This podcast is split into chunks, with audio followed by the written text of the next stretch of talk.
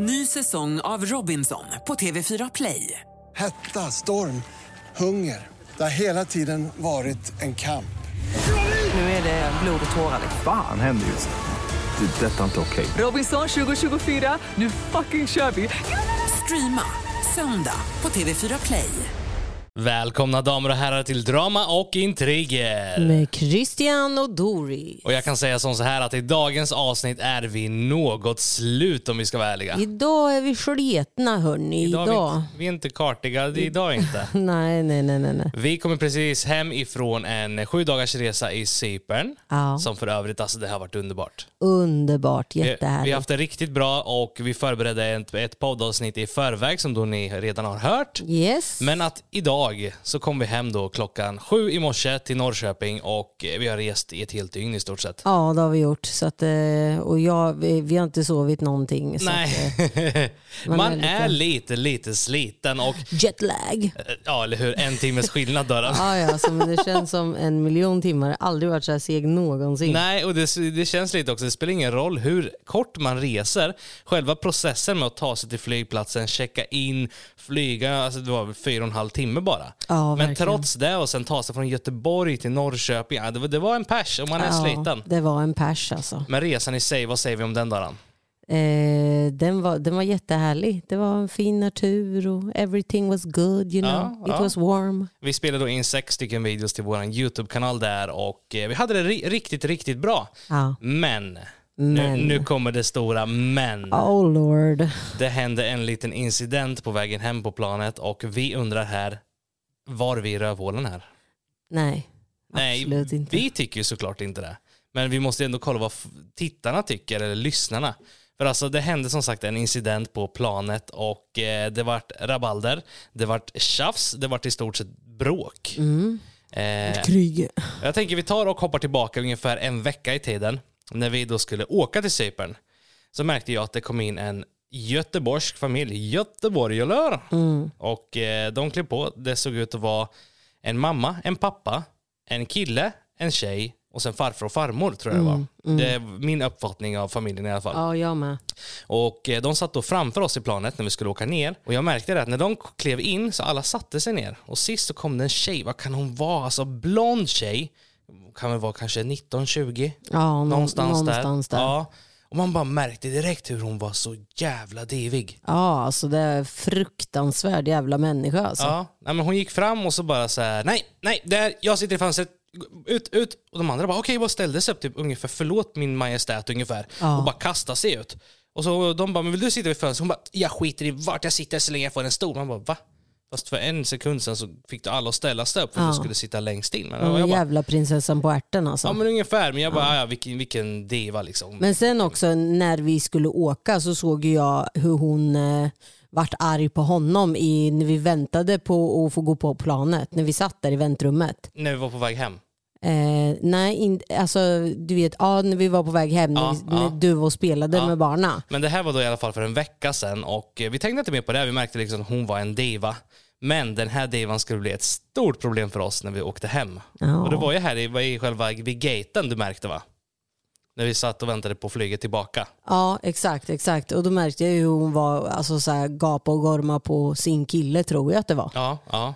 Eh, och var alltså jätteotrevlig. Han fick in, han ville, hon vart arg på honom för att han ville sitta på, på stolarna längst fram.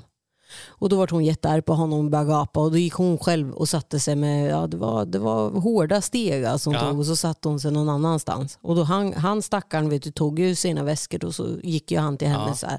Fy fan alltså. Men inte bara det. Alltså grejen var ju det att sen är det dags att kliva på. Vi hade inga problem. Nej. Vi gick bak, vi satte oss och nu måste det tilläggas här att planet som vi då åkte hem till Sverige med, det gick klockan 01.05 ifrån Lar, eh, Larnaca i Cypern. Ja. Alltså klockan är ett på natten. Ja. Ett på natten. Vi har med oss Katalea och Jason.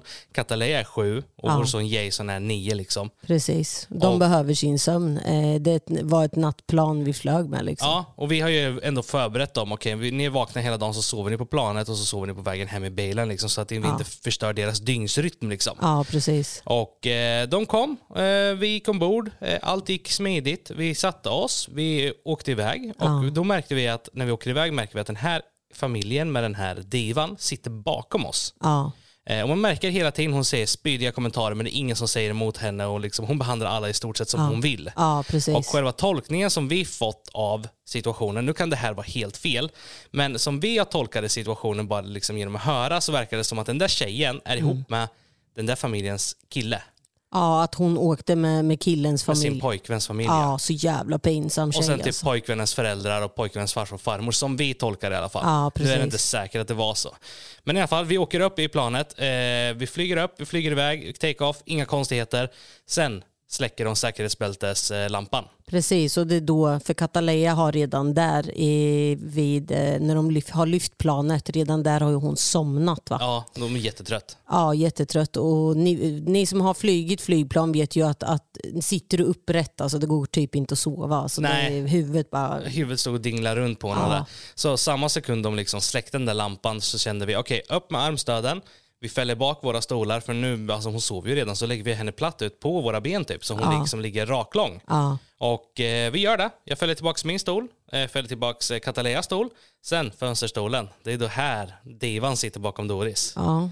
Och eh, vi börjar fälla tillbaka stolen. Hon bara, ursäkta, nej, nej, det här går inte. Ja, nej, det går inte. Du, kan, Tyvärr, du kan, du, du kan inte sitta så. Tyvärr, jag, får, jag, jag kan inte äta här. nej, jag får inte plats. Ja, jag får. bara, va? Och hon, hon var inte stor alls. Nej, Alltså. och jag, jag varit så chockad. Liksom, så här. Alltså, jag kan ändå köpa om någon visar oss respekt och säger det på ett schysst sätt, så Mm. liksom, då är det okej, men sorry. Alltså, då man, man är liksom människa. Ja. Men sättet hon sa på, bara nope, du får inte fälla tillbaka din stol. Nej, det Nej, går men inte. alltså, det var så sjukt och jag varit så chockad att jag du vet så här, Alltså jag, jag kollade på Christian när hon säger till mig då att eh, jag bara, alltså så här, kände att jag är tyst, jag är tyst, jag är Ja. tyst. Det är lugnt liksom, jag är tyst. Eh, så hon- då tog ju du det. Ja, för hon, sa, jag bara, "Sko- är du seriös? Skojar du eller? Mm. Hon bara, nej, jag får inte plats när hon fäller bak sin stol. Jag bara, men, alltså jag kollar på henne och bara, du är inte större än vad jag är. Du är inte större än någon annan spelare. Jag kan ändå ha lite mer respekt om det är kanske någon överviktig, Ja, någon riktigt en stor. stor, som, ja. En stor, men hon liksom, Ungdom, en liten snärta liksom. ja men precis, väger kanske ja, men nor- normalviktig skulle jag Ja, ja. säga. Ja, ja. Och liksom inte speciellt stor. Jag är bra mycket bredare. Ja. Och bara, men vad då har du massa saker nere vid fötterna som gör att du inte får plats? Nej, jag har min väska och min vattenflaska. Jag bara, okej men lägg upp dem i Mm. handbagaget där uppe så får du plats.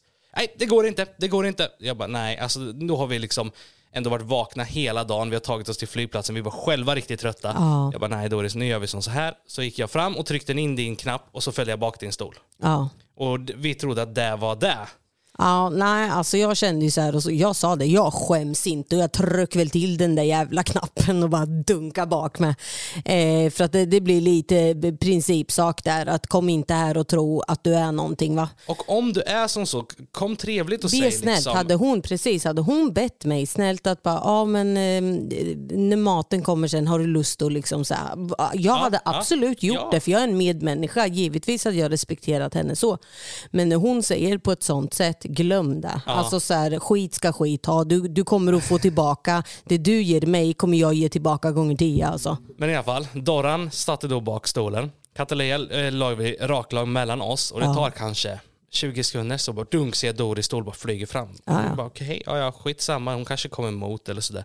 Så bara dunk igen. Mm. Och sen till fjärde gången så bara sparkar hon utav helvete ja. på Doris stol. Så Katalea som ligger i Doris knä, alltså hon bara på riktigt flyger. För hon Ja. står och kickar, kickar. Alltså inte ett, en spark, det var kanske liksom fem dunk, dunk, dunk, dunk, dunk, Ja, ja. Eh, absolut, och där, där kände jag så här, ja, då har jag ändå alltså, så här, bitit mig själv i tungan. Liksom, nej, var tyst, var tyst, var tyst. Men när det kommer till mina barn, va, det är mitt, alltså, det är mina barn, det är de jag lever för här i, Ja. i livet. Liksom. Och när det kommer till att min dotter typ far illa, Ja. då alltså jag bara såg svart. Alltså jag, jag, vart så jävla arg så jag frågade om hon var, jag frågade om hon var dum i huvudet och kallade henne för en jävla kossa. Dum i huvudet din jävla kossa.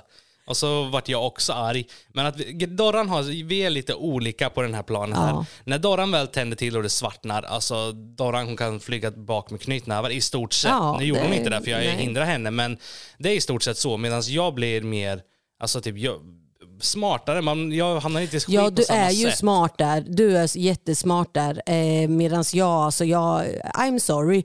Jag, jag är bara ärlig och jag är bara människa. Oavsett om jag är en influencer eller inte så kan även jag tända till precis som alla andra. Ja, alltså så så. Ja. Eh, och jag kände det var, alltså det var tur att du var med. Alltså jag, jag tänkte så här, en gång till alltså, om min dotter flyger så jag kommer fan flyga bak. Alltså. Ja. Då får hon smaka på Jürgen.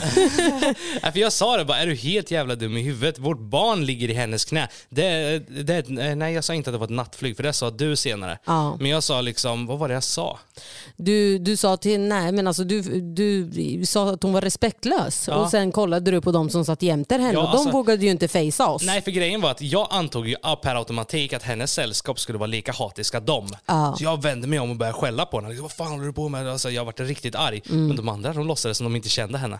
Ja, men alltså, det var så jävla pinsamt och inte nog med det här va, så säger hon ifrån ingenstans, hör jag henne säga bakom att nej men eh, vuxna människor säger hon, en 19-åring till, eh, till oss liksom. Ja. Vem fan var det som började? Ja, ja, men hon som stod och sparkade på din stol. Och vi sa, vi har barn. Det, Ja. det är ett nattflyg Och ska du komma flyger och på. ge mig order Ja. och tala om för mig, en plats som jag har betalat för, att jag inte då på ett nattflyg inte får fälla bak stolen för att min dotter ska kunna få sova? Ja. Nej, nej, nej. nej. Och sen är det ju även så här att stolarna går att fälla tillbaka allihop om du inte sitter vid någon så nödutgång eller längst bak. Ja. Mm. Men annars så går de att fälla bak. Så om hon fick mindre plats till exempel, men då kan hon i sin tur fälla bak sin stol som fälls bak exakt lika mycket. Då får hon lika mycket plats som hon hade innan. Precis. Nej, hon men bara, det här nej. var hertiginnan. Ja, och hon, vilket liv det vart på henne. Hon bara, jag kan inte sitta här, jag får byta plats med din mamma, jag får byta plats. Alltså hon bara direkt bara ska kräva, för hon ska byta plats. Hon kan inte sitta där och äta om vi har stolsryggen, vad var det? Fem centimeter Ja. mer bak. Ja, ja, och sen bara själva, och sen när man, när man säger att man liksom fäller bak en stol är det ju alltså, vi snackar om alltså, det är inte ens en decimeter du kan fälla bak. Nej, men det är utan det är så jättelite. nacken liksom, du kan luta dig lite mer bakåt. Och Doran har ju också diskbrock. Liksom. Ja, Du- och du- du vet sen när jag känner första, alltså första knät i ryggen, tänkte jag okej, okej, okej. Och så bara ja, känner jag en till och så känner jag en till och sen när, när jag ser att Kataleja, då ja. jag flippar alltså, jag flippar. Ja, så vi började då, alltså det var tumult på planet. Det var liksom, det var alltså Doris bara, om hon gör så en gång till, Ja, ja. då jävla kommer hon få stryk. Du sa det. Ja, ja Hon bara, var, jag, jag måste byta plats. Och herregud, vuxna människor. Men alltså seriöst. Alltså, och nu blir vi lite så här, det här, varför vi tar upp det här är för vi undrar, am I the asshole? Är vi rövhålen? Jag anser ju såklart inte det, eftersom att det var våran situation. Alltså jag kan väl säga det att, eh, att eh, det var väl kanske lite fel av mig att, att säga att hon ska få smäll va? Ja. Men samtidigt så är det så här, det är mina barn, som jag sagt innan, mina barn är mitt allt. Ja. Om mina barn på något sätt far illa, då kommer lejoninnan fram, så är det Ja, bara. så är det ju, 100 procent. Alltså, och, och så, så eh,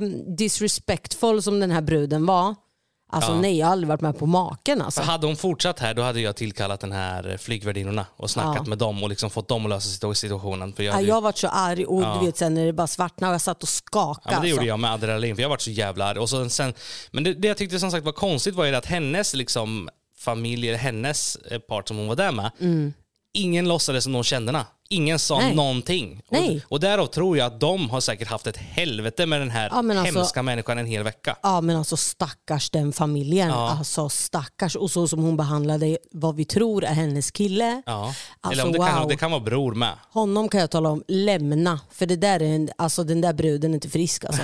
Nej men det är sant, hon är Ja. inte frisk. Ja, men det här är så här, typiskt en människa som fått allting serverat på ett guldfat här i livet som liksom inte så här... Ja men respekt, vad är ja, det? men precis. Alltså helt sjukt. Och det är som sagt, hade hon sagt bara, ursäkta, alltså jag, jag, får, jag får klaustrofobi här bak, skulle det vara möjligt om ni kanske kan fälla upp stolen?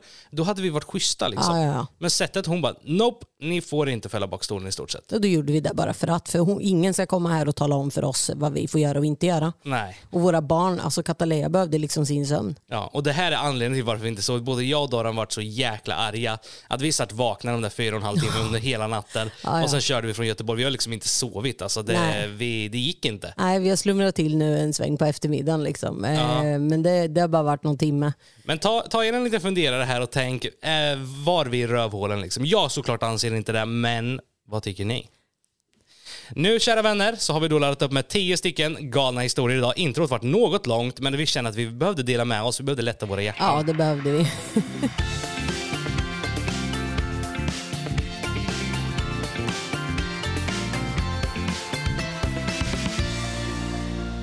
Jag sa till min man att han skulle göra sig av med vår sons hund.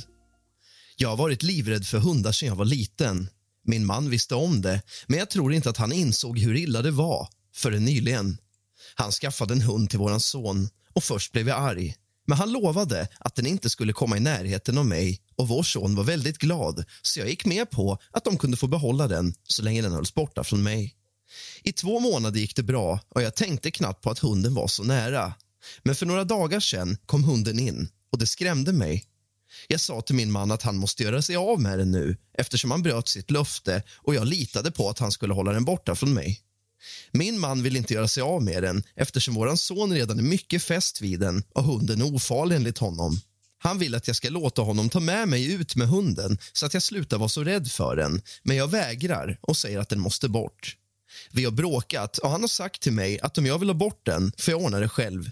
Mina svärföräldrar kom på besök igår och min svärmor frågade mig om något hade hänt mellan oss eftersom jag fortfarande är arg på honom och hon hade märkt det. Jag berättade om hunden och hon skällde ut honom och sa att hon lärt honom bättre än att traumatisera sin gravida fru. Nu är min man upprörd på mig eftersom han tror att jag bara berättade för hans föräldrar för att tvinga honom att göra som jag vill för att vi skulle ta bort hunden. Är jag svinet här? Alltså den här var riktigt, riktigt klurig. För man kan se den både från hans perspektiv, man kan också se det från hennes perspektiv också. Ja, alltså jag förstår honom att han vill göra sin, si- sitt, sin son glad liksom. Men samtidigt så är det ju så, fan inte äta hemdjur bara. Så där, om du bor med en kvinna, Ja. du vet alltså Hon har fobi. Ja men eller hur, hon är Ja. jätterädd och det, det där är lite griseri alltså oavsett. Alltså, så här, jag förstår honom men jag tycker att det var fel faktiskt. Ja, alltså grejen är att det är väldigt fel av honom att skaffa från första början när han vet att hon har en sån fobi för ett djur. Ja. Eh, men sen när skadan väl var skedd och han har fixat den och alltså sonen har haft den i två månader. Eh, då kan jag eh, också tycka lite att hon kan försöka. Om hunden inte gjort någonting, alltså så här, om hunden har börjat skälla mot henne eller försöker bita henne, då kan jag ändå köpa det. Jo men fast, fast ja, så jag, jag hade blivit pissed om du kommer hem med en hund till exempel. Jo, absolut, absolut. Men om det gått två månader alltså, Ja, så här, och, det är hund, och, och hunden inte har gjort jag ett anfall valt, eller sådär. Ja, jag hade ju i sådana fall bara valt direkt innan grabben lär känna hunden så hade jag bara tyvärr du får åka tillbaka med den här Direkt, ägaren. ja. Ja. inte, Nu- inte låta det gå. Nej, för nu har det ändå gått två månader, så nu Ja. anser jag att alltså, han gjorde fel från första början som skaffade hunden utan Ja. att prata med henne. Men att nu när det gått två månader, så ja, men, försök komma över din fobi så länge hunden inte gör någonting. Mm. Alltså om hunden börjar försöka bita dig eller skäller mot dig, ja, men då kan du köpa att ja, men gör dig av med hunden. Ja. Men om hunden är en liten valp som, alltså då det- finns det väl ett ganska bra tillfälle i akt att försöka komma över sin fobi. Ja men så är det ju. Men, men också liksom att i, i förhållanden överlag, kommunikation is the key. Ja know? men det är allt. Ja, det är ja. allt. Och jag anser, vi, vi, vi, vi kan väl ändå båda säga att han gjorde fel från första början som fixade en hund trots sin gravida frus fobi. Liksom. Vi spikar den Det gör vi. tycker jag.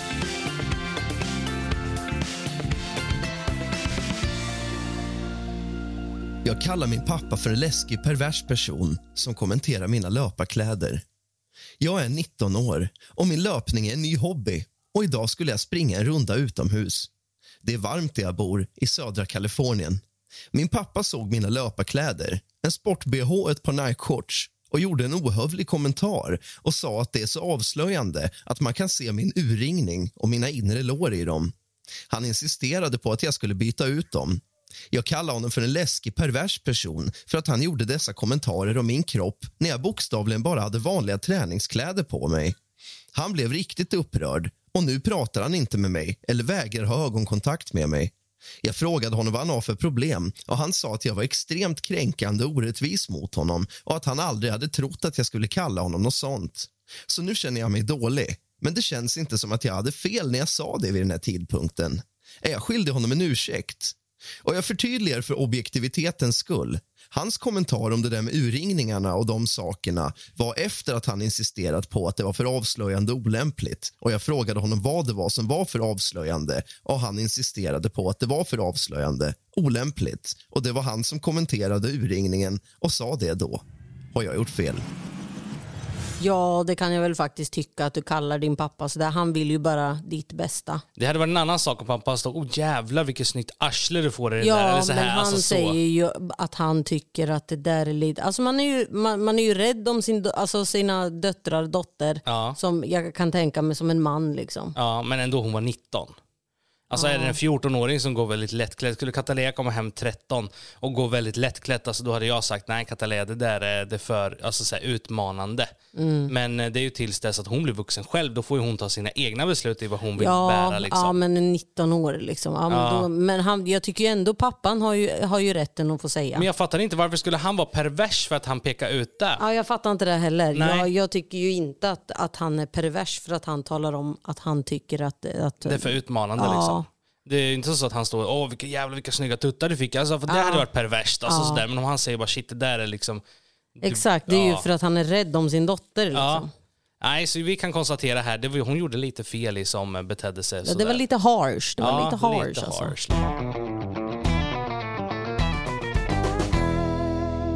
är jag svinet för att ha tagit min dotters telefon. Jag har en dotter som nyligen fyllde 11 år. Hon har en annan pappa än resten av mina barn. När ett av mina barn fyllde 12 år köpte jag deras första telefon och det är oftast en billig telefon eftersom jag inte tycker att ett barn behöver en dyr telefon. Hon har nyligen klagat och bett mig köpa en telefon till henne eftersom alla hennes vänner har en. Jag sa till henne att hon måste vänta som sina syskon har gjort. Så föreställer min förvåning när hon idag kom hem från sin pappa och hade en telefon med sig. Och inte en billig telefon. Så mycket vet jag om telefoner. Den såg dyr ut. Jag blev rasande. Jag tog telefonen och sa att hon inte får tillbaka den förrän hon fyller 12 år. Hon började gråta och ringde sin pappa som kallade mig för en skitstövel för att jag tog telefonen. Jag sa till honom att han inte hade någon rätt att köpa den till henne och att hon borde ha fått en billig telefon när hon fyllde 12 år som resten av sina syskon.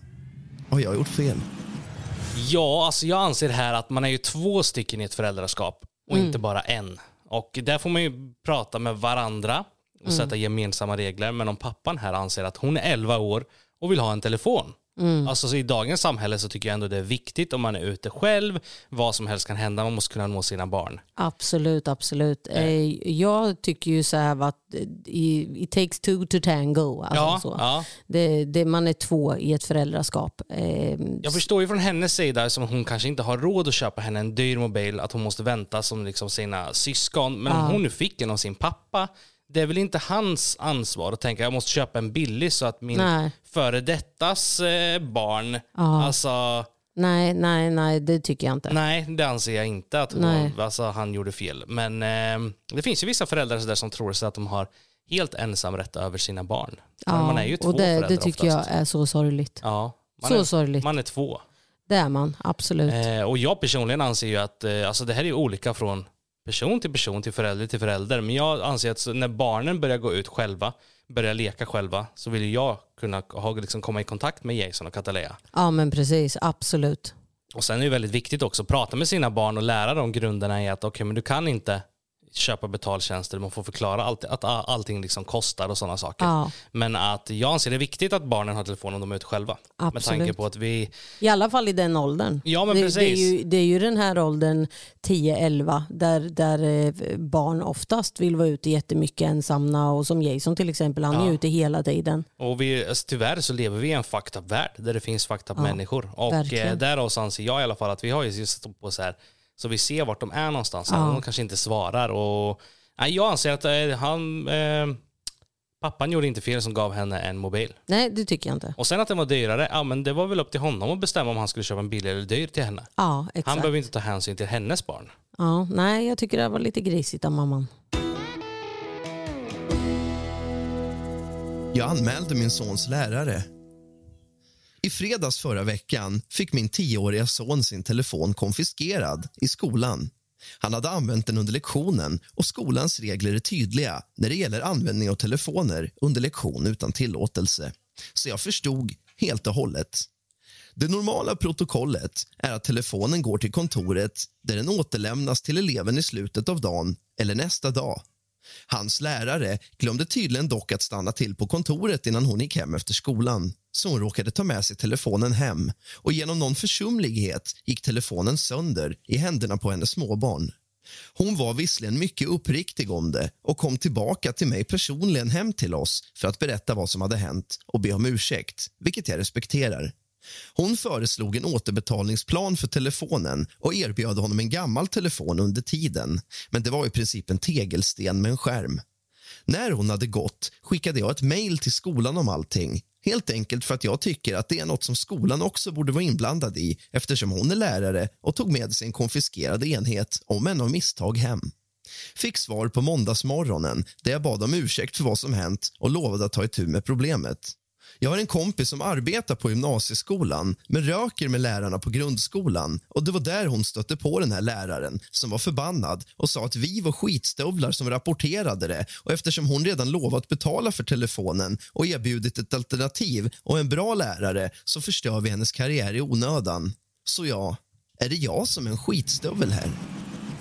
Jag kan tycka att det beror på lite. Alltså, hur är din ekonomiska situation själv? Alltså, Som till exempel, skulle Jasons lärare komma och vara uppriktig och ändå vilja göra rätt för sig, Ja, så skulle inte jag vara lika hård.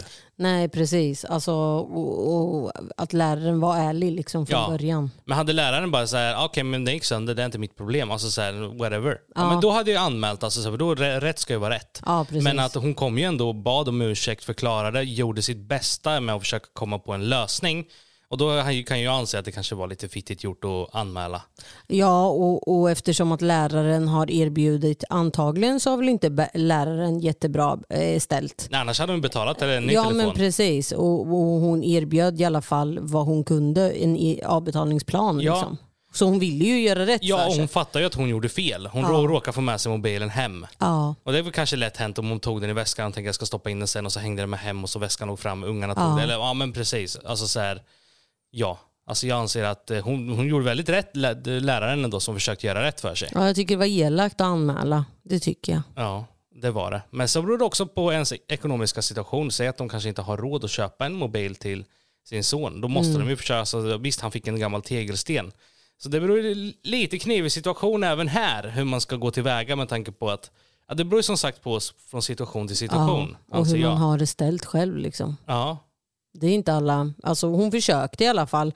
Han fick, eh, även om det var en gammal telefon, hon hade väl inte råd att köpa en ny. nej, nej. Och sen erbjöd även en avbetalningsplan. Liksom. Ja, så jag anser att det var lite skit eh, gjort av dem att anmäla henne. Ja, det tycker jag inte att det hade inte behövts. Men har du tänkt på en sak Doris? Vad? Kommer du ihåg under våran uppväxt, man hade sett talangshow eh, när man var liten Mm. och man gjorde bort sig. Alltså, man, alltså jag vet själv hur jag fucking, eh, ursäkta språket, men stod och Ja, jag vet själv, alltså jag typ mimade till Ricky Martin och massa så här pinsamma samma saker under min uppväxt. Så så här, jag skämdes inte, jag har alltid varit så här, lite av en teaterapa jag med. Eh, och man gjorde bort sig. Men det var ju det på våran tid, när man gjorde något sånt. Alltså så här, då var det okej, men de som var där, de såg, sen kanske det var någon pappa som hade en dyr stor kamera på Ja. axeln, som kanske ligger i någon så här familjevideos nedpackad i källaren. Men idag, fattar du vad tufft barnen har det? Ja, verkligen. Alltså säg att du gör bort det en gång under din uppväxt så kan den videon hamna på internet och blowa upp över hela världen. Ja. Och liksom du blir en meme eller du kan bli mobbad. Alltså så här, det är så sjukt. Man måste vara försiktig idag. Ja, och alla har mobiler. Så fatta ändå vad tufft dagens generation måste ha det mot vad vi hade. Ja, precis. Alltså sådana som skit som vi gjorde när vi var små, Ja. det är no one will know. Nej, och sen att eh, som förälder att man släppte ut barnen liksom och så bara, ja men de kommer hem då. Ja. Alltså det är ju, jag hade ju aldrig kunnat göra så. Jag får panik. Får inte jag tag i Jason när jag ringer första gången, då, då spammar jag alltså. Ja, och ska Jason ut, vart ska du? Om jag ska gå och knacka på hos honom, ja, okej. Ja, men då Har du telefon på ljud? Ja men precis. Alltså, så här, har du standard. laddat? Har batteri? Jag vet själv när jag var liten, då var det bara Hej då! Vart ska du? exakt. Vet inte. Någon, någon som vill leka med mig? Jag vet inte vem. Okej, Ja. hej då! Syns ikväll. Ja. och så gick man ut och så knackade man på hos alla polarna tills man hittade någon. Ja, så sjukt. Ja, men alltså som sagt idag, det är helt galet. Ja, verkligen. Men eh, det är bra på ett sätt att eh, teknologin gått fram. Alltså, så här, men ja, men de är lär sig dåligt. på ett annat sätt. Ja, de måste vara försiktiga. Ja, Alltså verkligen. säg att man någon gång under sin ungdom till exempel råkar skicka en eh, lättklädd bild till sin tjej eller vad som helst. Alltså, hamnar den på internet så kan man vara körd resten av livet. Ja, precis. Alltså det är svårt. Man, man måste vara försiktig i dagens samhälle som ungdom. Det måste man.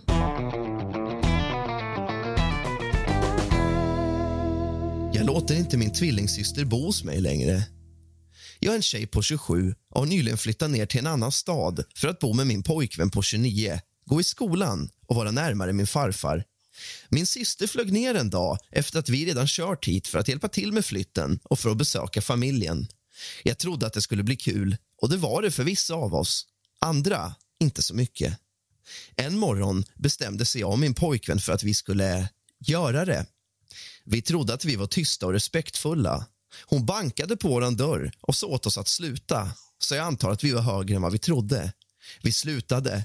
Stämningen är förstörd vid det här tillfället och vi lämnar rummet och hon säger till oss hur respektlösa vi var som gjorde det medan hon var i huset och att hon kommer bo hos farfar om vi vill göra det igen och att det är bäst att vi inte blir för vilda på min pojkväns födelsedag som var fyra dagar bort. Vi sa till henne att vi skulle göra vårt bästa. Den kvällen går vi till ett sideri som min pojkvän ofta går till med sina vänner och min syster träffar en av hans vänner. Jag antar att de regler som hon satt upp för oss var annorlunda för henne. Det var högljutt sex nonstop hela natten i det extra rummet bredvid vårt. I duschen nästa morgon och vi körde hela tiden runt med dem. På torsdagskvällen, kvällen före min pojkväns födelsedag, körde vi hem till min syster och hon bestämde sig för att ge min pojkväns vän en handtralla i baksätet av bilen. Jag blev helt äcklad. Vi kom hem och min pojkvän och jag satte en regel. Inget sex för dem den kvällen eller nästa morgon. Vi ville inte höra det eftersom vi ville ha en speciell kväll för att bara slappna av och inte bli avslagna av dem. Vi säger att om de måste det får de gå till den övergivna parkeringen bredvid huset. De gick med på det. De kunde dock inte följa upp den överenskommelsen. Den kvällen började det igen och nästa morgon, min pojkväns födelsedag, hörde vi dem igen i duschen och i sovrummet. Min pojkväns vän gick innan vi kunde säga något. Så fort jag såg min syster sa jag åt henne att packa sina saker och bo hos farfar. Jag hade helt och hållet kommit över hennes beteende. Hon skrek åt mig och sa att det var orättvist att behandla henne så eftersom hon var gäst och att jag inte brydde mig och att hon aldrig skulle bo hos oss igen. Så, gjorde jag fel här? Ja, vi har en hertiginna här, hör jag minsann. En, en prinsessan på ärten. Jag tycker att det här var, alltså den där tvillingen ska ju skämmas alltså. Ja. Vem är du och du bor hos din syster och så ska du ställa krav på henne och sin kille Ja, att de precis. inte får jappa. Ja. Och sen, och sen ska du gå och jappa både här och där. Ja, det var både riktigt, nu och sju. Riktigt, riktigt grisigt. Alltså säger som så här, man, när man kommer hem till någon så är det liksom deras seder man får anpassa sig. Det är deras hem. Exakt. Känner de att de vill göka, ja men okej, men då får du kanske gå därifrån. Ja. Eh, man kan väl kanske på något sätt liksom Oh shit vad det högljutt igår. Alltså förstår du, man kan sköta det snyggt. Du Ja. kan liksom bara, oh shit det gick vilt till igår. Då, kan, då kanske de automatiskt skulle liksom skämmas och tänka på till nästa gång. Ja. Men du kan ju inte gå och förbjuda någon, ett par i sitt egna hem och Ja, inte nej, liksom nej. göra så. Alltså jag hade ju kastat ut min tvilling alltså. Ja, du har ju en tvilling. Ja, ja, ja. Jag hade bara så här, nej absolut inte. Det här är mitt hem. Jag gör vad jag vill här. ja. Jag gör vad jag vill i mitt hem. Men sen skulle jag också känna så här, alltså säg att min brorsa skulle sova hemma hos oss och han drar hem massa ragg. Det skulle också kännas lite snuskigt. Alltså så här, höra i mitt hem, men nu fine i ditt hem, gör vad du vill. Eller så här. Men om han skulle komma hem till oss och stå och jappa i våran med en Ja, tjej men, i våran ja. gästsäng, liksom, det skulle jag känna var lite äckligt. Ja, faktiskt. Det, det, det är så här, vill du jappa, gör det hemma hos dig då, men du behöver inte göra det hemma hos mig. och sen är det ju lite mutual, alltså ömsesidig respekt här. att men de till att börja med kunde kanske vara lite tystare Ja. Mm. för att ta hänsyn. Och sen så ska ju hon också kunna varit lite tystare för att visa hänsyn. Ja, men precis. Så det är lite av en inte- rävsax vilket som, men man får inte glömma bort det är deras hem, deras regler. Vill de mysa till då kan de göra det. Vill de göttetet, då gör de det. Ja, och hon kan ju inte gå och förbjuda dem från att göra det och sen gå och göra det själv i deras hus. Och dra av en handtralla i baksätet på deras ja, bil. den är snuskig. Alltså så här, när de Alltså, andra, wow. an, antar de Ja, andra jag hade körde. kastat ut den i farten.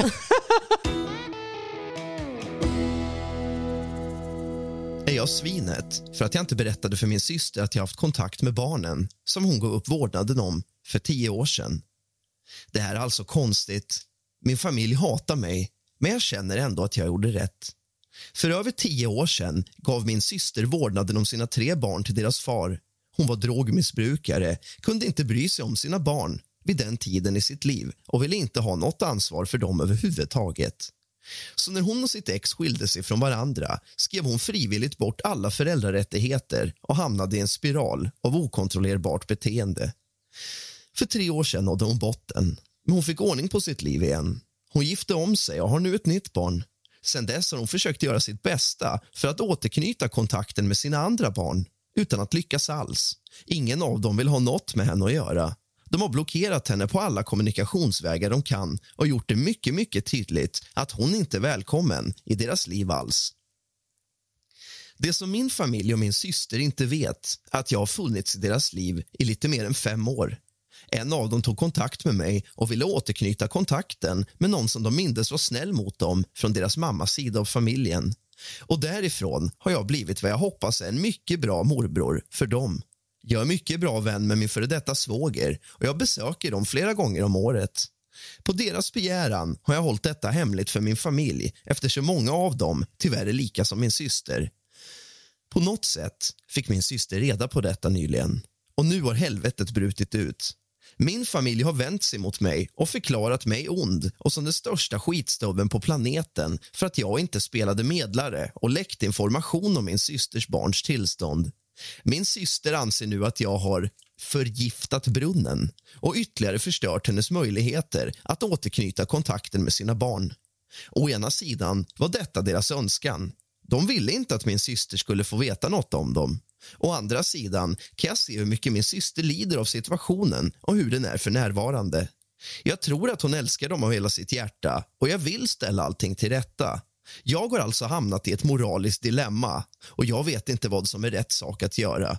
Så snälla Doris och Christian, hjälp mig här. Jag skulle nog vilja säga att han inte har gjort fel här. Nej, inte jag heller. Alltså han har ju ändå till, alltså fått tillit till de här barnen Ja. och barnen vill inte. Och jag förstår de här barnen. De har blivit övergivna. Alltså känslan av övergivenhet antar jag att barnen har. ja. Eh, och sen går hon och skaffar en ett till barn och liksom, hon har inte de andra barnen. glömmer bort dem liksom. Ja precis. Och, och jag tycker inte att eh, ja, men alltså, blod är inte alltid tjockare än vatten. Nej, men så är det absolut. Och jag anser att han har inte gjort fel ändå om de, alltså han var ju snäll mot dem när de var små. Ja. Och de ändå kommer och knyter kontakten och vill ha ett eh, relationship med honom. Ja. Det tycker jag ändå är fint. Och sen att han finns där för dem, trots vad hon tycker. Jag hade alltså blivit glad att någon Ja. i min familj i alla fall, att mina barn kan te sig till någon. Ja men precis, att de inte känner sig helt borta. Alltså, Ja. så här, för hon, alltså visst hon hade ju drogproblem och det, men man får inte glömma att hon sa upp allting, alltså sitt föräldraskap. Hon lämnar Ja. dem. Ja. Och sen antagligen inte brytt sig om dem på väldigt många år. Och sen Ja. nu så passar det. Ja, Eh, nej, det som är där- viktigt här är ju helt enkelt att låta barnen komma till mamman när de är redo. Här ska inte mamman stå och jaga dem. Nej, det precis. blir väldigt fel. Utan eh, att, precis som du sa, att barnen får ju komma när de känner att det, det är dags. Ja, och sen är det bara bra om de kan confide, om de har någon ifrån familjen som kan alltså, finnas där för dem. Och jag anser att han är inte en douchebag som inte har läckt massa, massa information. Och Det liksom, tycker jag inte. Nej, det tycker jag absolut inte. Jag tycker han gjorde rätt, verkar vara en fin människa. Ja, ver- Ja. verkligen. Jag är ett svin för att ha visat en bild av Dudley från Harry Potter på en familjeåterförening när barnet var upprört. Nyligen var jag på en släktträff. En kusin som jag inte har sett på flera år har en son som är 7-8 år och han har en supernanny som är fruktansvärt upprörande och hans mamma, som är min kusin, ger honom allt han vill och kräver. Hon tror inte på att säga nej utan omdirigerar honom försiktigt. Exempel. Han bestämde sig för att kissa på någons bil på parkeringen och hon säger med sin irriterade sångstämma att toaletten är där borta. Hon slutade inte heller ge honom skräpmat och sötsaker utan försöker omdirigera honom efter att han har hackat på barnvakten och redan är kraftigt överviktig. Han påminde mig om Dudley från Harry Potter så jag googlade fram en bild på min telefon tog en bild och visade den diskret för min partner som fnissade. Sen kom min farbror, som är den coola farbrorn som alla älskar, för att se vad vi skrattade åt. Han såg på bilden och började skratta. Sen kom fler människor över och vi skrattade. Kusinen frågade vad som var så roligt och kom över för att sitta och snabbt reagera. Jag hade inte märkt att hon var så nära, så hon såg fotot, kopplade ihop prickarna och sprang iväg gråtandes.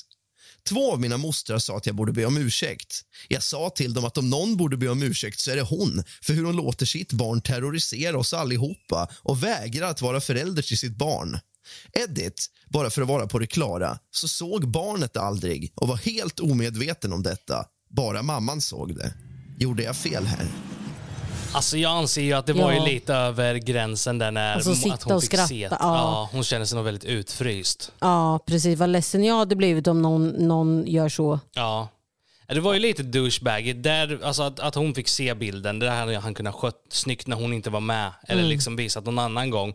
För jag förstår ju absolut situationen. Det finns föräldrar där ute som är hemska och låter sina barn göra vad de vill. Mm, Och det är ju det, om barnet inte får några konsekvenser eller regler eller tillsägelser, ja men då gör de ju, det är inte barnens fel. Nej. Men att det finns, det finns ju sådana barn där ute som verkligen så här, lever riktiga rövare. Ja, verkligen. Och den här ungen må vara så, men jag förstår ändå att mamma varit sårad. Alltså, så här, om, Ja. det, om det inte är någon som har poängterat det till henne innan, Mm. så anser jag att det var fel att visa att de såg det. Alltså, det, you fucked up. Ja, Där, där borde du time. be om ursäkt. Ja, faktiskt. faktiskt. Eh, sen kan man ju sköta det lite snyggare, be om ursäkt men sen förklara läget. Alltså, Ja. Det är som så här, ditt barn gör det här och det här. Han pissar på bilen där ute. Alltså, säga åt Exakt. ungen istället. Ja, ja, precis. Ge konsekvenser. Ja, och många av de här föräldrarna som är så här med sina barn, så här, låter dem göra vad de vill. De blir ju arga om någon annan säger till deras barn oftast. Ja, så är det ju. Vilket jag tycker är helt fel. Alltså så här, vissa barn behöver gränser. Barn behöver alltså, så här, lära sig Mm. De, rätt och ja, fel. men så är det ju. Och, och de behöver lära sig i tidig ålder också. Ja. Jätteviktigt. Ja, men det är det. Låter du ditt barn löpa amok och göra vad den vill, ja, men då kommer den tro att den får göra vad den vill tills Ja. någon,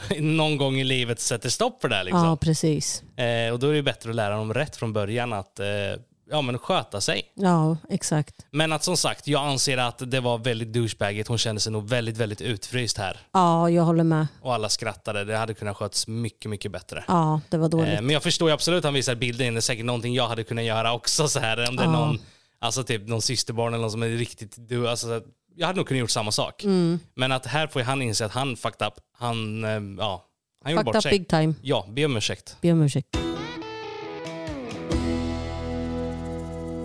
Jag bad min granne sluta stå och kika in genom mina fönster.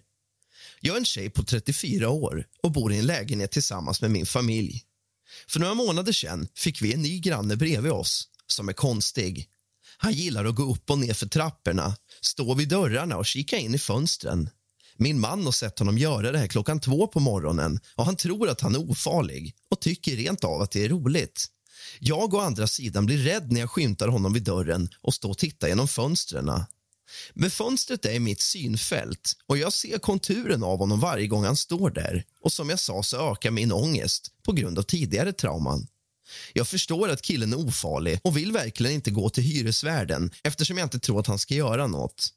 Jag funderar på att förklara för honom hur mycket det skrämmer mig och be honom snällt att sluta. Men jag vill inte vara en skitstövel om, om liksom han verkligen inte gör något fel. Jag hade inte tänkt så mycket på det tidigare men när han tittar in genom bakfönstret morrar mina två katter åt honom. Innan han flyttade in morrade mina katter aldrig, och jag menar aldrig. Jag har uppfostrat min 17-åriga katt sedan hon var tre veckor. Jag är inte riktigt säker på att han är ofarlig längre. Edit. Nu har jag pratat med honom och enligt honom är han på spektrumet, har BPD och är dissokativ. Jag är inte säker på hur man stavar det personligen, men han har några störningar. Ska jag ha hänsyn till detta och låta honom fortsätta? Eller hur ska jag ur min synvinkel hantera situationen? Snälla Doris och Christian, hjälp mig. Jag tycker eh, att han är ett creep. Eh, jag eh, hade struntat blanka pip i hans eh, eventuella diagnoser och sådär. Det ger inte det ger inte honom rätten till att eh, spionagea på det där viset. Alltså, det där är creepy. Alltså. Ja men den är obehaglig. Alltså, om någon Riktigt står och stirrar in i ens lägenhet. Jag hade också blivit så här kalla kårar och känt att Ja. okej, någon vacker dag kommer han komma in. Exakt. Alltså, så här, och vad händer då? Stalkervarning oavsett om han har diagnos eller, Ja. eller inte. Nej. Men sen ser jag också här att om han, då man pratar med honom, han säger att han har diagnoser, det finns ju en enkel lösning på situationen. Och det är ju då helt enkelt eh, köpa gardiner eller dra persienner. Alltså så här, när du känner att Ja, okej, men, men, fatta ändå vad läskigt. Alltså, du köper persienner, du vet inte om han står och försöker kolla i, i springorna. Nej. Skitläskigt alltså. Ja. Call the cops, call the cops. Ja, men samtidigt, han hade diagnoser så någonstans får man ju förstå det också. Ja men det de- beror ju på hur han är utåt sett. För jag menar, man kan ju latcha till liksom och säga att ja, men du vet, det är inte okej vet du, att du Ja, står i mina ja, fönster. ja. Eh, det, det är inte det, man gör inte så. Liksom. Man Man, kan göra inte. ett snyggt. Alltså det finns ju sjuka människor ute i världen. Kolla bara Jeffrey Dahmer till exempel. Alltså, Ja. Dorran älskar ju för övrigt den serien. Ja, jag gör det. Eller hon älskar alla seriemördarserier i stort Ja, jag, jag, ja, jag tycker om sånt. Men liksom det visar ju bara att det finns så sjuka människor där ute som verkligen inte ska vara i samhället. Och man vet ju inte, alltså de säger ju i de lugnaste vattnen liksom. Mm, precis, och jag, jag, jag hade ju inte litat. Nej, jag hade tyckt att det var väldigt obehagligt. Ja men det tror jag med. Och sen Ja. ni som tänker att ni inte skulle tycka det, jag tror att hade ni varit i den sitsen så tror jag Då hade att- ni varit bajsnödiga tror jag. Alltså jag vet själv bara vi är hemma här och jag ser någon på blingklockan där nere, vi Ja. bor ju i villa liksom. Ja, vem är det där? Ja, då, man får lite ångest, bara shit nu är det någon utanför. Ja. Sen kanske det är bara en säljare eller barn, men det blir ändå den här ångestsituationen. Ja. Och fatta att se någon i fönstret, alltså jag hade gått ut med ett basebollträ. Ja, ja, ja. Alltså, här, alltså, eh, jag hade ju bajsat ner mig Ja. om jag ser någon bara stirrar in. Alltså. Ja. Jag, hade, jag hade ju... Jag vet inte. jag, jag tror jag hade gått ut med basebollträ. Ja, no, men fast vet jag att han i grund och botten har diagnoser. Vi vet ju inte till vilken Nej, men, grad. ja, men precis. Alltså, jag hade gjort det Eh, mot... så hade jag ju kanske försökt gå ut och prata med honom om han, om han är eh, tal, talförbar, eller vad man säger. Ja, jag måste bara på, eh, liksom göra det klart här. Jag hade ju inte gått ut, om jag vet att min granne eller har några störningar, hade jag inte gått ut med basebollträ. Så, så. Men om jag skulle se någon på kvällen, alltså någon, eh, någon jag vet inte vem det är, Nej, ja, stå, precis. då hade jag nog gått ut med basebollträ. eller Ja, ja. Liksom. Ja. Ja, ja, man gör allt för att skydda sin familj alltså. ja, men så är det ju. Och det där är creepy. Stå inte i fönstren och glo. Nu kommer jag att tänka på en sak Doris. Vadå? Vilken var det du berättar om? Det var någon seriemördare som hade Alltså jag måste bara berätta det här, här i podden. Daran berättade för mig. Det var en seriemördare som inte riktigt visste hur han skulle göra sig med alla sina lik han hade dödat. Ja, just och det här är då en sann historia, Daran berättat. Och alltså jag har varit väldigt äcklad när jag fick höra. Berätta Doris. Ja, men det var ju en mördare va? som eh, ja, mördade en person då, och så fick han ju mer smak och började döda eh, fler och fler och fler. det är en sann Eh, historia. Ja, seriemördare alltså. Eh, sen så fick, började han få problem med att göra sig av med liken för han tänkte att de kommer hitta om jag gräver ner dem och alltså, så här, jag kan inte kasta dem i ett dike liksom, för de kommer hitta. Ja. Då fick han den briljanta idén att öppna en food truck längs med, det var i USA, längs med mm, Highway. highway, the highway där. Motorvägen. Ja, och han vart eh, jättepopulär och du vet så han hyllades för Han gjorde sina... köttmackor va? Nej, hamburgare. Hamburgare. Hamburgare gjorde han vet du. Och köttmackor gjorde han ja, också. Ja. Eh, så att han vart ju, du vet, så här, ah, folk åkte ju långt bara för att få käka hans mackor och, och hamburgare liksom. ja. Så jävla sjukt. Och så är det människa. Och så kom det ju fram sen då att det är människa. Aj, Och folk har ju verkligen tyckt att det här var ju liksom Ja. det bästa hamburgaren de har käkat. Och så bara så här, ja det är hans offer. Fresh. Alltså det här, nej usch. Mm. Fatta att få veta det här efteråt och veta att du har ätit människa. Vad dåligt jag hade mått. Ja, och ett offer. Ja. Alltså fatta, så Ja. sjukt. Alltså den är riktigt sjuk och sen fatta att det är en sann historia med Ja. att det finns såna här människor där ute. Alltså jag till Obehagligt. exempel, även om det hade varit lagligt och jag fick chansen att testa människa så hade jag aldrig gjort det.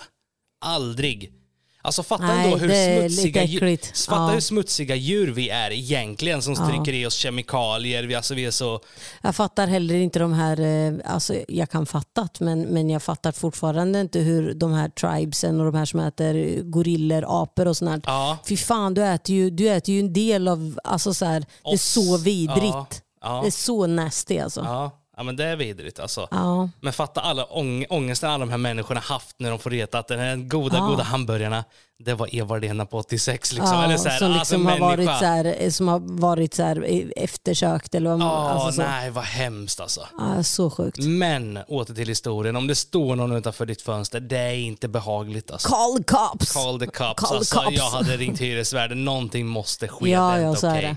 Alltså det, det går inte. Försök att gå ut och prata med honom och är han inte tal, talbar, eh, går inte att prata med honom, fortsätter, då, eh, då, då ringer du snuten bara. Ja, så. men ett kontaktförbud. Då Absolut. kommer han så du ser du nästa gång med ringsnuten. Alltså, Absolut. även om han har diagnos, jag förstår Ja. det är svårt, men då måste han ha någon som håller koll på honom om han nu har diagnoser. Exakt, någon kontaktperson eller någon anhö- anhörig som liksom har lite ansvar där. För han kanske bara kollar nu, men om det här fortsätter Ja, sån vad, kanske han vad, börjar men, ja, gå men in. vad tänker han Ja. när han tittar in på henne? ja, Ja. Du står ju inte bara och glor. Nej. Varför tittar han just in på henne? Varför tittar han in på de andra? Ja. Alltså, så här, förstår du? Ja, men den är han vill obehaglig. någonting där. Ja, det, där är, det där är spooky. Call the cops. Call the cops.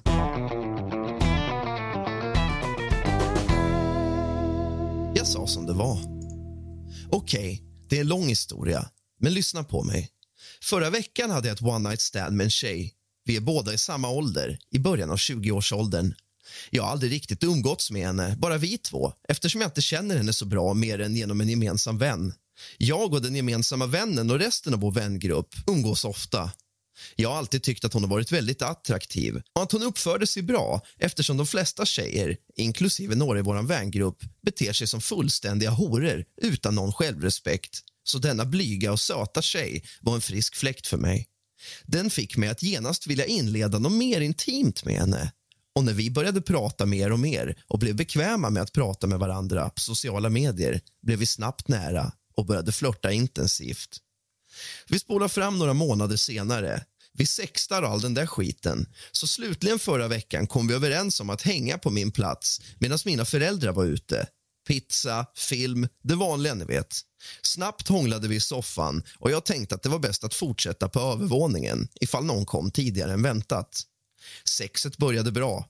Ärligt talat vet jag inte om det låter men hon hade hela den här oskyldiga, rena stämningen och det fick mig så upphetsad att jag var rädd för att komma till klimax tidigare än vad jag brukar göra. Vi började med Doggy och allt gick bra tills halvvägs in. Hon pruttade medan jag var inne i henne. Förlåt för detaljen, men jag måste dela med mig. Och Det var inte bara en liten tyst, utan det var en hög trumpet. kan vi säga. Och Det slutade liksom inte. Min erektion försvann omedelbart. Hon började se förvirrad ut och frågade om allt var okej. Okay.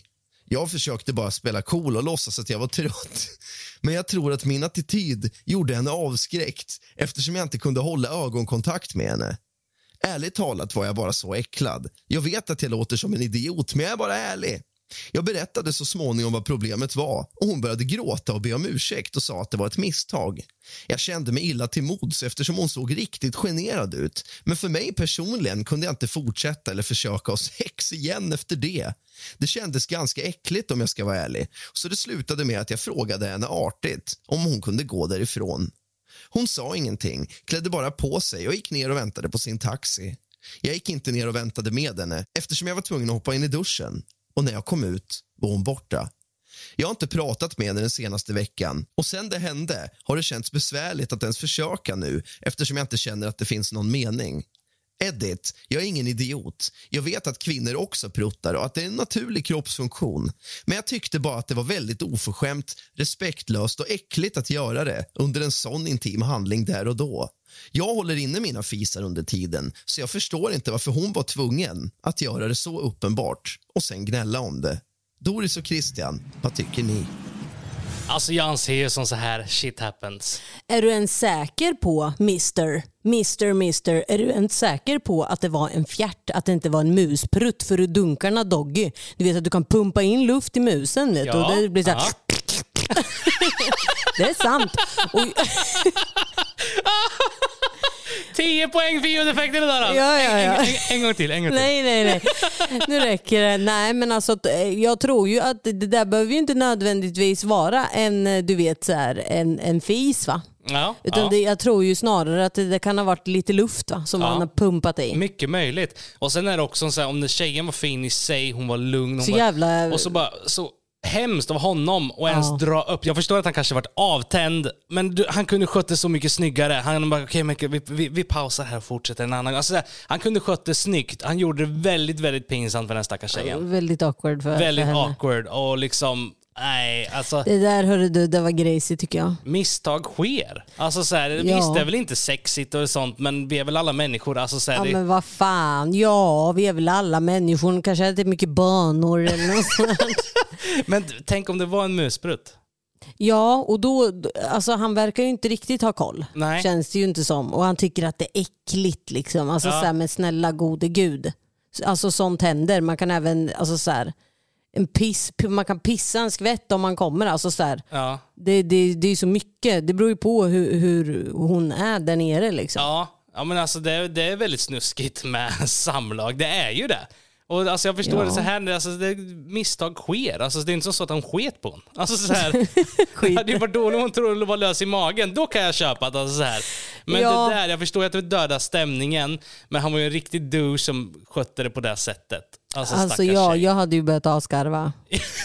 ja, det hade jag med. Alltså så. Ja. Jag tycker inte att man behöver inte göra så. Det där är bara att göra att någon annan, alltså, alltså göra någon så illa till mods. Jag tycker Ja. det var gris alltså. Och hon verkar vara en lugn tjej, alltså så här, väldigt i sig. I sig och Mm. Men jag så, tror alltså, min, eh, jag tror att det är musprutt som har just liksom... i den ställningen. Ja, Ja. exakt. Och det, är nog, det är nog sannolikheten stor. Ja, det tror jag. Men eh, ja, han, han, det han skulle gjort var liksom ta en liten paus, kanske göra bussas eller vad som helst liksom, och sen se om du inte kan få den att stå, men då får man ju liksom styra bort det snyggt därifrån. Ja. Men att bara avbryta sådär och skämma ut den totalt, det var grisigt. Ja, nej så gör man inte. Nej, stackars tjej. Ja, Han äter sina mexikanska bönor bara. stackars. ja, och jag kan säga jag kommer inte köpa det till butiken sen, till dig Doris. Vi ska äta tacos idag. Extra Nej. lök. Vad var det du bad mig köpa förut? Som du brukar ha med din vaniljmjölk? Ja, jag äter ju granola, förstår ni nu? Ja, och jag kan säga att varje gång när Doris äter granola, alltså hon blir en pruttmaskin här hemma. Det är helt galet kära vänner. Doran brukar inte prutta så mycket vanligtvis. Men den där jäkla, jag har testat själv, den där granolan är sjuk alltså. Ja, så den sätter igång hela jävla tarm, tarmavdelningen alltså. Inte bajs, men bara prutt. Ja, Ja, jag, jag, jag går och skiter hela tiden. ja. Och det, man- det, är inte så här, det är inga smygare man kan Nej, göra. det blir liksom. riktiga brakare. Ja, det och det slår aldrig fel. Vi har testat många gånger och liksom, varje gång du käkar det där, ja, men då, då vet man vad som komma skall. Liksom. Ja, det är därför Christian ska ta mig till affären Så och det köpa granola Så till det mig. kanske var det hon hade gjort. Ätit granola, ja, Pauluns granola. Ja, den är Oj. god men spruttig blir du. Ja, det blir du.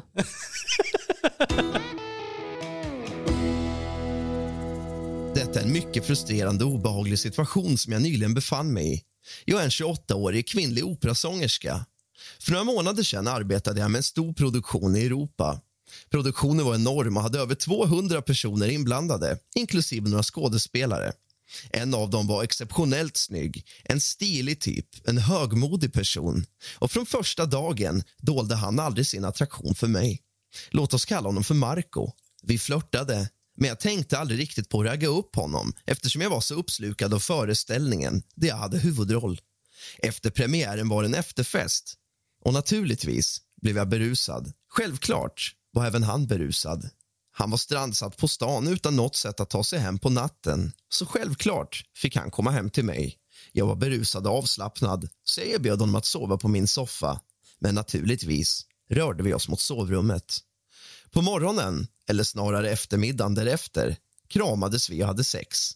Efteråt nämnde Marco nonchalant att han fyllde år dagen efter. Jag skämtade om att jag gav honom en tidig födelsedagspresent vilket han skrattade åt och sa att det var den bästa presenten någonsin. Sen frågade jag hur gammal han blir. Då släpper han bomben. Han blir 18 år imorgon. Jag fick panik och steg snabbt ur sängen. Han såg inte alls ut att vara 17. Jag trodde han var yngre, men jag trodde aldrig han var 11 år yngre än mig. Jag var arg. Han såg förvånad ut och sa att han nästan var en man och att han har haft många flickvänner, bland annat en 30-åring, när han var 16. Jag skrek att jag inte brydde mig om hans andra flickvänner och att jag kommer få stora problem. Jag kände inte till lagarna i det landet, så jag såg hela mitt liv passera i revy framför mina ögon. Jag bad honom hålla tyst och han svor att han aldrig skulle berätta för någon. Naturligtvis, när jag kom till teatern nästa dag gav alla mig konstiga blickar. I slutet av dagen märkte jag att folk skrattade åt mig och några av mina kollegor ställde till och med riktigt snuskiga frågor till mig. Han skröt inte, utan bara berättade att han haft sex med mig för sina vänner. Han gav dem inte alla detaljer, inklusive mängd och kroppsbehåring och sånt. Formen på mina bröst och de sakerna jag gjort mot honom i sängen. Eller så gjorde han det. Jag var ett vrak. Jag sprang in i kafeterian och grät oavbrutet. Aldrig i mitt liv hade jag känt en sån skam. Nästa morgon kallades jag in på teaterdirektörens kontor. Han var mycket besviken på mig och mina livsval. Och Han nämnde också att jag som primadonna borde vetat bättre och tagit bättre hand om mitt rykte. Jag trodde det var över, men några timmar senare fick jag ett telefonsamtal från Marcos mamma. Hon skrek åt mig och trots att jag talar italienska hade jag svårt att förstå allt hon sa. Tydligen hade jag inte bara haft sex med en 17-åring utan jag hade också våldtagit honom eftersom han var full och därför inte kunde samtycka till sex med en fet gammal kvinna som jag var, enligt hans mamma. Hon skrek och lovade att blanda in polisen. Jag var förkrossad. Jag trodde min karriär var över, även mitt rykte. Jag önskade att jag var död. Hans mor upptäckte också meddelanden från mig och hotade att avslöja mig som ett sexuellt rovdjur och kallade mig pedofil.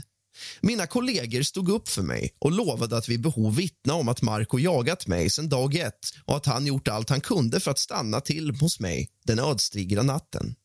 Precis när jag trodde att mitt liv var över visade det sig att Marcos mamma försökte utpressa teaterdirektören att avskeda mig eller höja sin sons lön. Regissören blev rasande och hotade henne med att avslöja henne, så hon backade ur.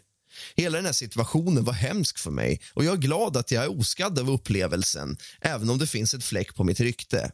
Men tiden har gått och jag har återhämtat mig och jag kan inte låta bli att undra. Vad händer? Är jag ett rovdjur? Tänk om jag har gett den stackars pojken ett R. Tänk om jag våldtog honom. Eftersom han uppenbarligen var berusad och jag är en vuxen kvinna och så vidare.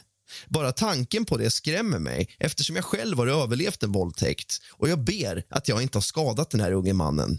Vad tycker ni? Jag är så förvirrad och uppriktigt upprörd. Förlåt för den långa läsningen, men jag vet inte vad jag ska göra. Snälla hjälp mig. Har jag gjort fel? Oj, vad svårt. Den är riktigt svår och här får man gå lite från situation till situation och bedöma. Alltså det är ju fel. Vilket som så Ja, är det fel. Alltså, alltså så här, oavsett om det var ett misstag så är det fel. Hon, hon hade ju anat att han var yngre. Men inte och, så mycket. Nej, och om du då anar att han är yngre, jag tänker så här, frågar man inte gamla varandra är? Eller? Jag tror det är ganska viktigt att göra det, alltså Ja. ta reda på det. För att i dagens samhälle så kan alltså 14-åringar kan se, ibland se ut som 20-åringar. Precis. Och tvärtom. Alltså, Ja. så här, alltså det, det är liksom lätt hänt tror jag och det är viktigt nog att vara på den säkra sidan innan man eh, fullbordar någonting. Mm, och jag kan ju säga det att du är inget rovdjur. Eh, alltså det tycker jag faktiskt Här i inte. Sverige så hade ju då, det- alltså det hade ju varit fel men det hade ju inte varit, alltså man blir Han var ju med på det, alltså förstår du? Han Ja. har jagat efter henne. Men det beror, det beror på lite vilken ålder det är. Säg det skulle visa sig att han var 14. Ja men Ja, absolut, ja, då har du gjort fel. Ja, absolut. Men här i Sverige blir man ju byxmyndig när man är 15 eller 16 va? Ja, där. Så man har rätt och, Ja. Men det är fortfarande fel. Alltså så stor åldersskillnad Ja, det det i den åldern tycker jag är väldigt fel. Eh, men som sagt, det var inget barn. Han fyllde 18 Han fyllde om två 18 dagar. och hade han varit 18 år och hade, hade varit med henne, då hade jag tror inte, då hade man inte sett på det på samma sätt. Nej, och det skilde två dagar. Precis. Så alltså, hon hade tur här. Det hade kunnat varit mycket värre. Säg att han hade varit 16 Ja. eller 15 eller 14. Alltså det.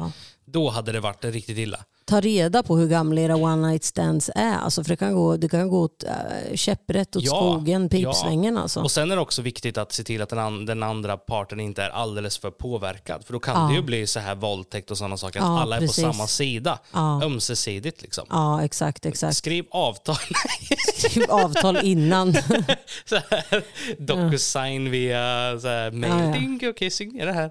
Nej, men alltså det är viktigt ändå att dubbelkolla och det kan bli så fel. Ja, verkligen. Även om du inte menar att det ska bli fel så är det nog viktigt för alla och liksom, i dagens samhälle att se till att alla är på samma sida. Ja. Alla är villiga och alla är lagliga. tror Ja, jag. exakt. Eh, Jag, alltså jag själv, vi har ju varit ihop i 15 år. Mm. Så vi har inte varit i den här, alltså jag träffade dig när jag var 18 liksom. Mm. Så jag har inte varit och jag kommer aldrig vara i den, och- alltså så att man ligger runt och håller på. Men att jag tror det är väldigt viktigt som sagt att Håller ha- koll. hålla koll. Ja, precis. Ja, ni kära vänner. Det här är då avsnitt nummer 11 av Drama och intriger. Idag smäller vi på stort med 10 stycken historier. Ja, så det har varit ett längre avsnitt Alltså man skulle kunna säga 11 historier med våran, med våran lilla, händelse diva. där. Ja. Nej, ja, det där eh, situationen lämnade ett R i mig av ilska. ja, mig med. Ja.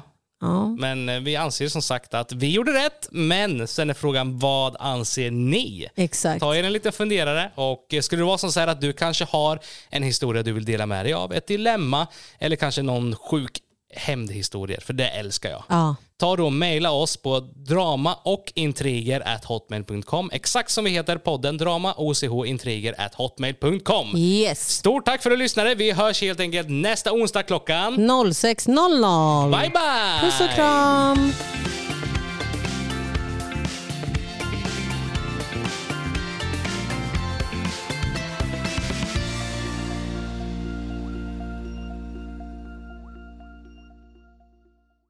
Ny säsong av Robinson på TV4 Play. Hetta, storm, hunger. Det har hela tiden varit en kamp. Nu är det blod och tårar. Fan händer just det. Det. är Detta är inte okej. Robinson 2024, nu fucking kör vi! Streama söndag på TV4 Play.